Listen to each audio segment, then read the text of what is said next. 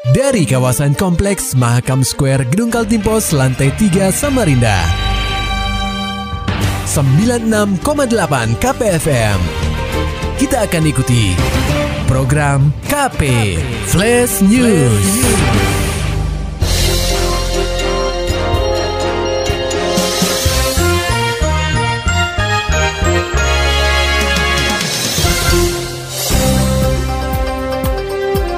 Anda sedang menyimak program KP Flash News bersama saya Agung Pratama.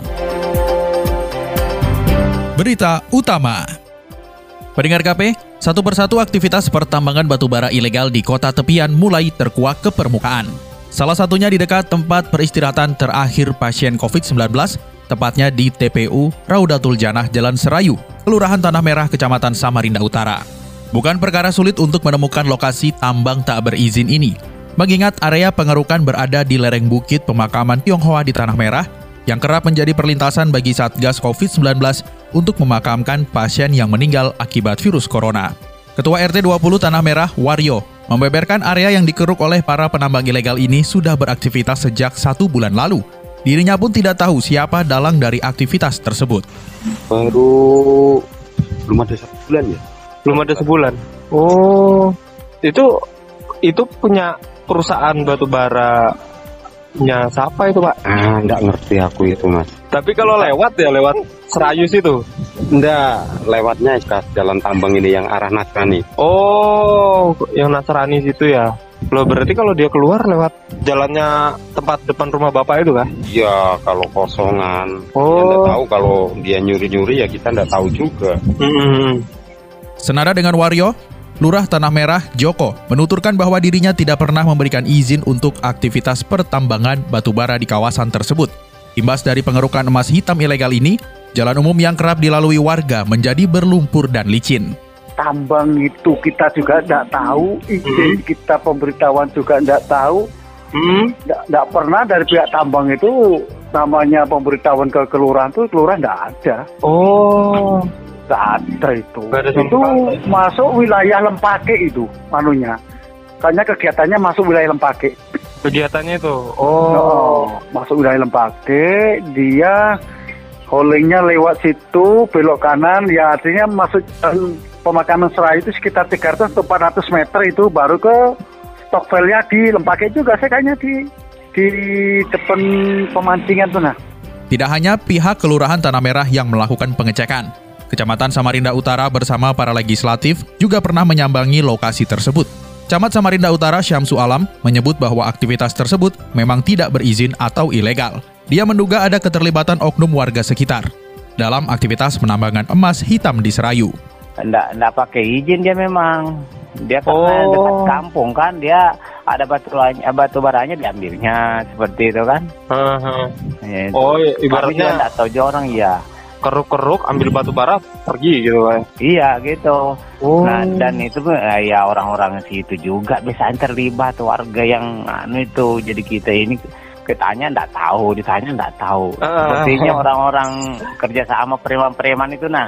Mulai terkuaknya aktivitas tambang batubara ilegal di kota tepian turut mendapat respon dari Wali Kota Samarinda Andi Harun.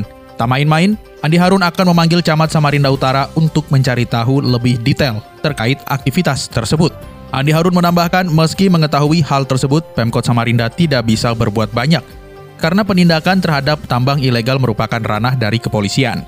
Selain itu, segala proses perizinan pertambangan kini berada di tangan pemerintah pusat dan pemerintah provinsi. Tapi pemerintah kota satu tidak memiliki kewenangan dalam bidang pertambangan.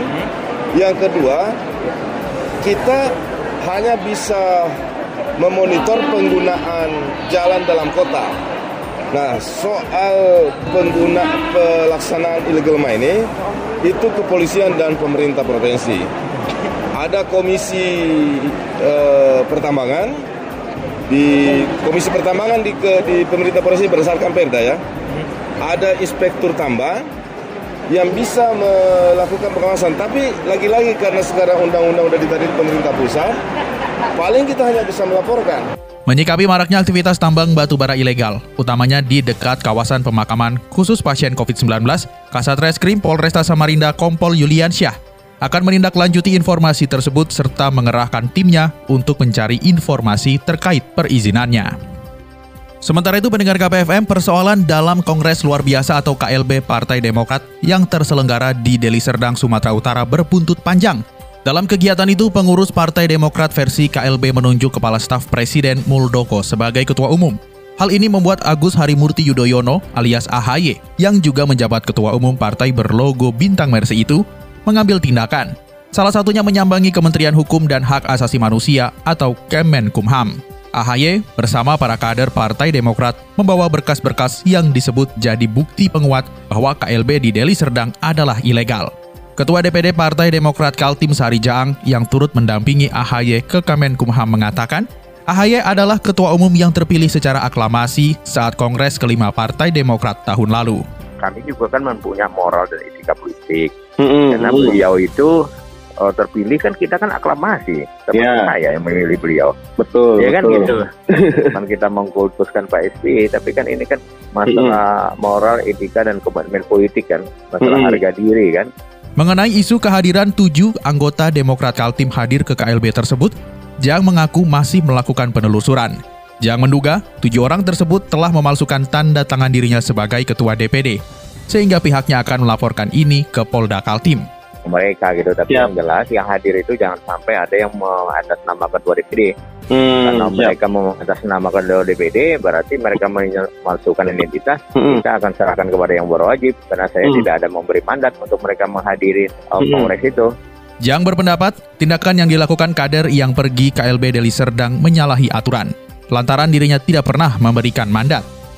Beralih ke dunia hukum dan kriminal pendengar KP, penangkapan dua kurir sabu-sabu di Jalan Kadri Oning oleh jajaran Polsekta Samarinda Ulu berlangsung dramatis.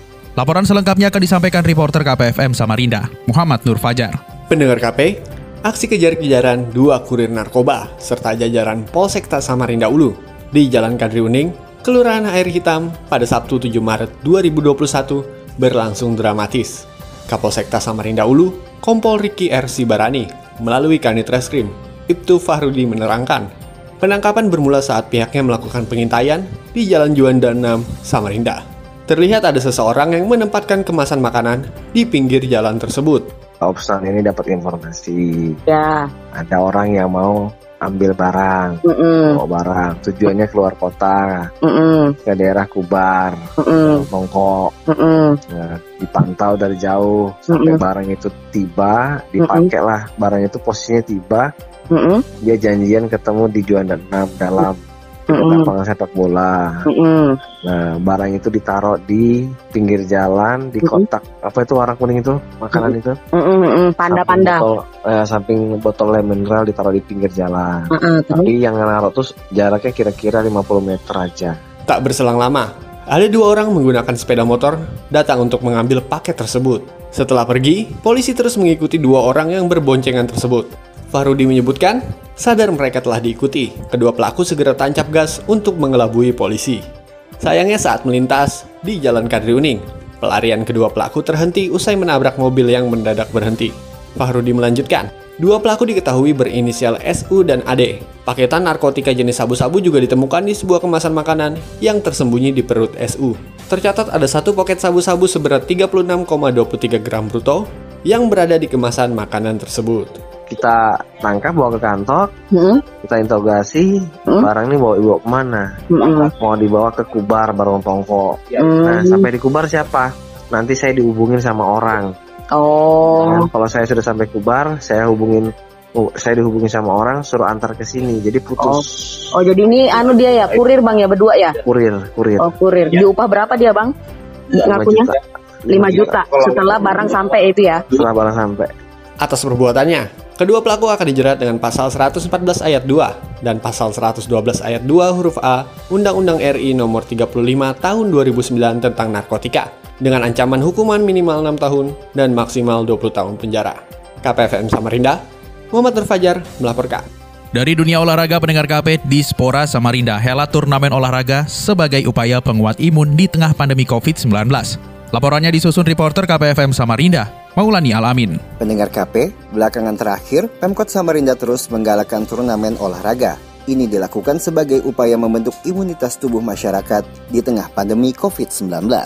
Kepala Dinas Pemuda dan Olahraga atau Dispora Samarinda Erham Yusuf menerangkan, bakal ada tiga turnamen olahraga yang akan diselenggarakan Pemkot, seperti tenis lapangan, rugby, dan taekwondo. Untuk tenis lapangan, Pemkot telah menggelar Piala Wali Kota yang terhelat di lapangan tenis Gor Segiri. RH menyebutkan, pandemi COVID-19 ini tak dapat menghambat masyarakat untuk berolahraga. Ya artinya ini kan kita berani ya kan melakukan ini di tengah-tengah apa ini eh, pandemi. Paling tidak kan menjawab bahwa sebetulnya pandemi itu tidak apa ya tidak harus menghambat aktivitas kita atau membuat aktivitas kita itu jadi apa ya pasif jadi mati enggak yang penting adalah prosedur apa ini kesehatannya kita penuhi gitu loh Meski begitu, Kepala Dispora Samarinda Erham Yusuf tetap menghimbau masyarakat untuk menerapkan protokol kesehatan saat berolahraga di ruang terbuka.